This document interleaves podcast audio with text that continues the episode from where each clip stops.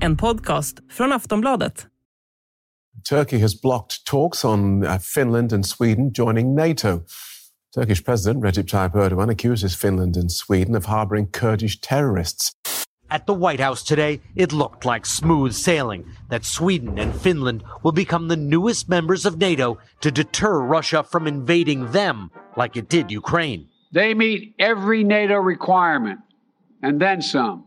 But there's a catch. Turkey, which, like all NATO members, must sign off, is saying no. President Erdogan calling both Sweden and Finland guest houses for terrorists. Ja, så här har det låtit ett tag nu att det är Turkiet och president Erdogan som sätter käppar i hjulet för Sveriges NATO-ansökan. Men under tisdagens NATO-toppmöte i Madrid så vände allt. Nu säger Turkiet och president Erdogan ja till att släppa in Sverige och Finland i NATO. Och så här sa statsminister Magdalena Andersson sent under tisdagskvällen. Som alltid eh, när man gör eh, den här typen av överenskommelsen, då kommer man att både och ge och ta. Vi har ju haft både många och långa och svåra diskussioner för att komma fram till det här. Eh, men det är en helhet som vi kan stå bakom, som Finland kan stå bakom och som också Turkiet kan stå bakom. Och därmed så kan vi då ta nästa steg för att få nå en invitee-status i NATO. Och Natos generalsekreterare Jens Stoltenberg sa så här. Today we met, uh, we discussed, and we find a good solution. And that's the way we solve problems in NATO. Ja, Sverige, Finland och Turkiet har alltså träffats i Madrid under NATO-toppmötet och förhandlat. Turkiet har haft som krav att både Finland och Sverige tar tydlig ställning mot bland annat den kurdiska gruppen PKK. Och nu verkar alltså länderna ha kommit överens. Bland annat så ska Sverige vidta konkreta åtgärder för att utlämna terroristbrottslingar och också stötta Turkiet i sitt arbete mot kurdiska grupper som just PKK. Men president Erdogan har bråkat med Sverige sedan Sverige började andas om att gå med i Nato. Och i det här avsnittet så ska vi fördjupa oss i president Erdogan, hans ledarskap och varför han har varit emot Sverige i militäralliansen. Turkiet är medlemmar i Nato sedan 1952 och har två amerikanska baser i landet. Det pratas också om att Turkiet får göra de där skitiga men nödvändiga uppdragen för alliansen. Landet, som har runt 82 miljoner invånare, leds alltså av president Recep Tayyip Erdogan som hållit sig fast vid makten under en lång tid. Och Erdogan är en populär ledare i landet men inför nästa års val så har opinionssiffrorna börjat svikta och många har sagt att motståndet till ett svenskt medlemskap i Nato kan vara ett steg i ledet för att återvinna folkets kärlek. Men vem är egentligen president Erdogan? Hur är han som ledare och har hans krav på Sverige varit rimliga? Och hur ser relationen med EU egentligen ut? Turkiet har varit ansökansmedlem sedan 2005. Kommer de någonsin in i gemenskapen? Du lyssnar på Aftonbladet Daily med mig, Jenny Ågren. Och dagens gäst är Paul T. Levin, chef för Institutet för Turkietstudier vid Stockholms universitet. Jag ringde upp honom tidigare i veckan innan allt det här var klart för att prata om Erdogan. Och han får börja med att berätta vem presidenten egentligen är. Erdogan är eh, Turkiets eh, mest populära politiker fortfarande. Um, han är både älskad av många och hatad av många. Han uh, delar landet. Han har regerat uh, sedan eh, uh, 2002, så det är i runda tal 20 år som han har styrt landet. Um, och han har gjort landet allt mer auktoritärt. Um, han är en lång och karismatisk person Eh, som kommer från eh, eh, modesta omständigheter. Han föddes på Svarta havskusten, ett område som är känt för att nationalistiska partiet har ganska starkt stöd där. Och sen så flyttade han till Istanbul där han gick på en muslimsk skola och sen på universitet och tog en ekonomexamen eller managementexamen och eh, fostrades i eh, det islamistiska välfärdspartiet där. Och då drog han igång sin politiska bana? Ja, det gjorde han. Han formade så att säga i, i, uh, i välfärdspartiet um, och uh, blev också borgmästare i Istanbul. Han var en populär borgmästare på 90-talet.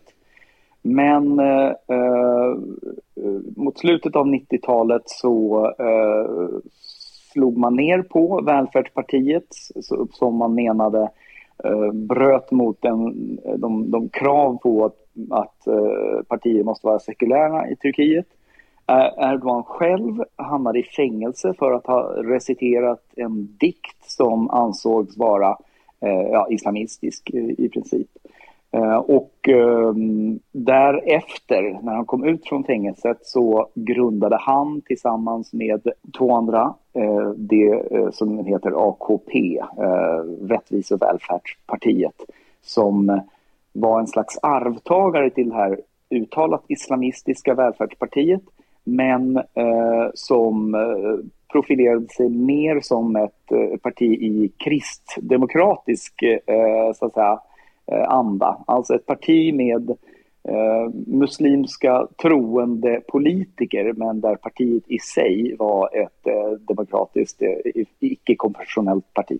Mm. Du var inne lite på det i början att han är otroligt populär och han har ju verkligen klamrat sig fast vid makten. Först som, förutom borgmästare då, premiärminister och nu president. Hur skulle du säga att landet har förändrats under hans år vid makten? Mycket.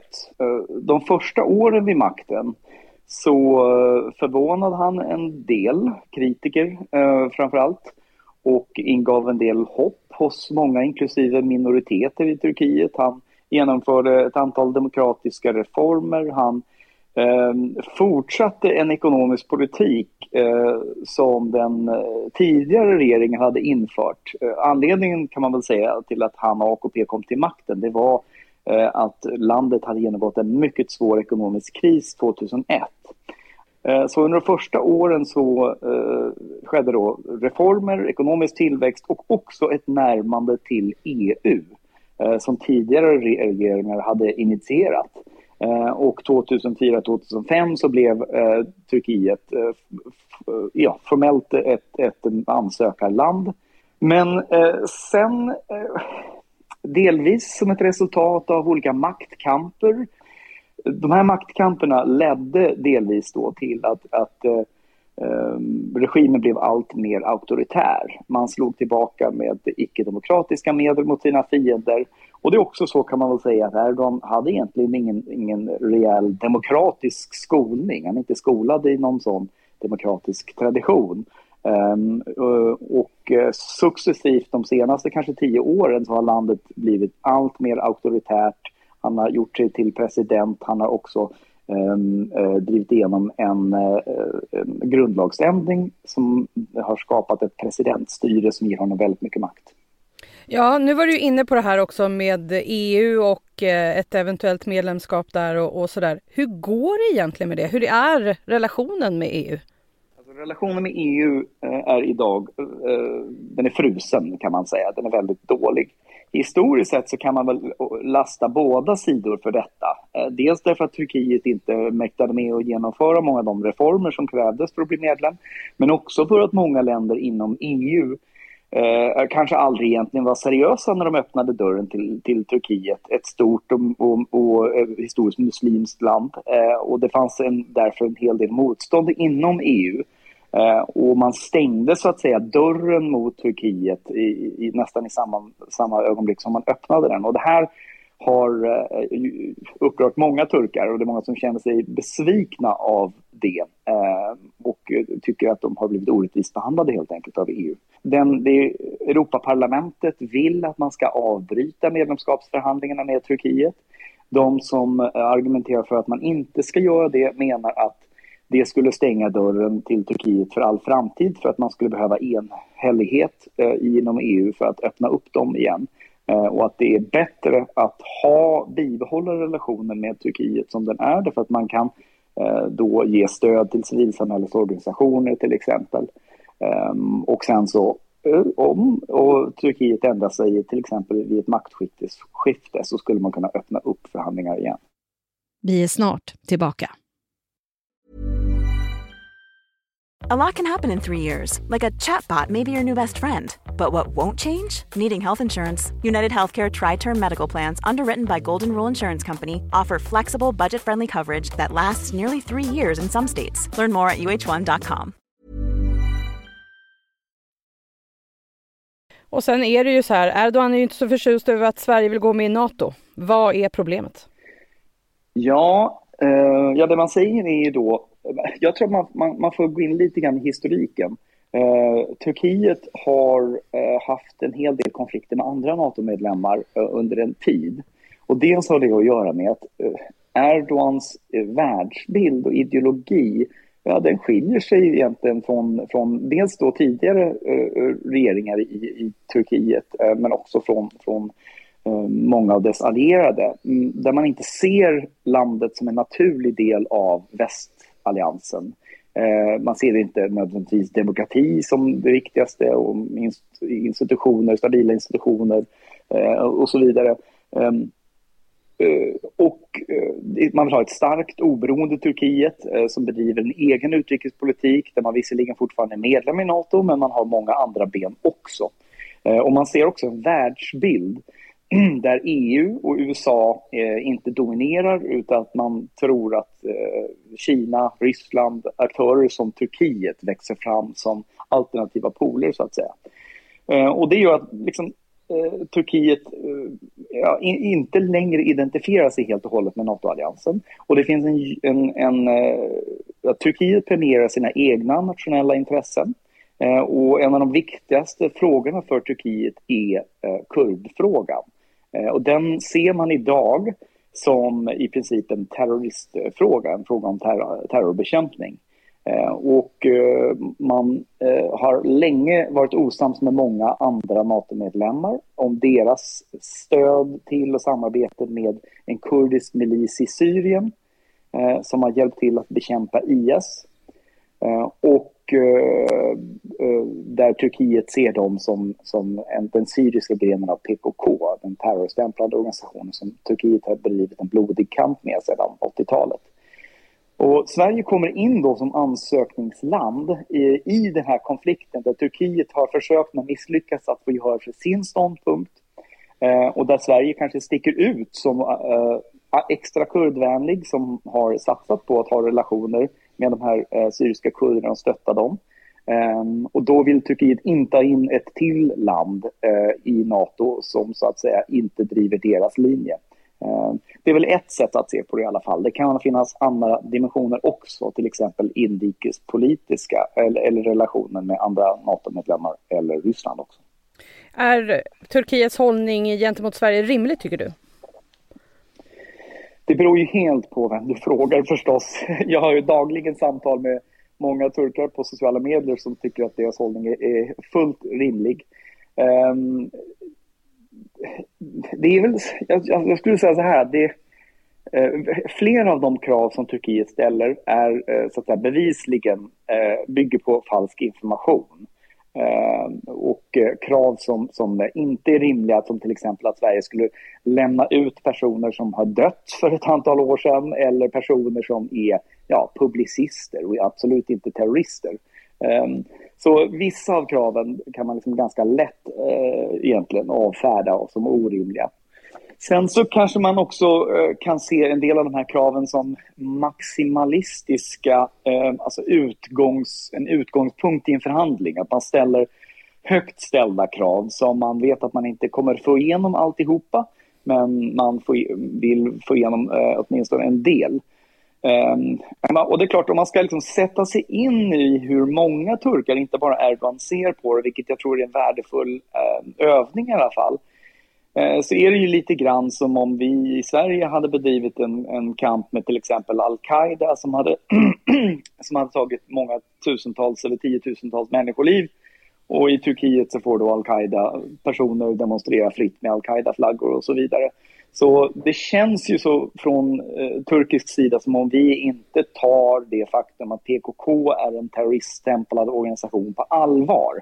Sen kan man väl säga att det har att göra med den svenska terrorlagstiftningen som hittills har varit ganska svag eh, eller liberal och eh, också yttrandefrihetslagstiftningen som är, som är ehm, ja, väldigt, ger stora friheter till eh, personer.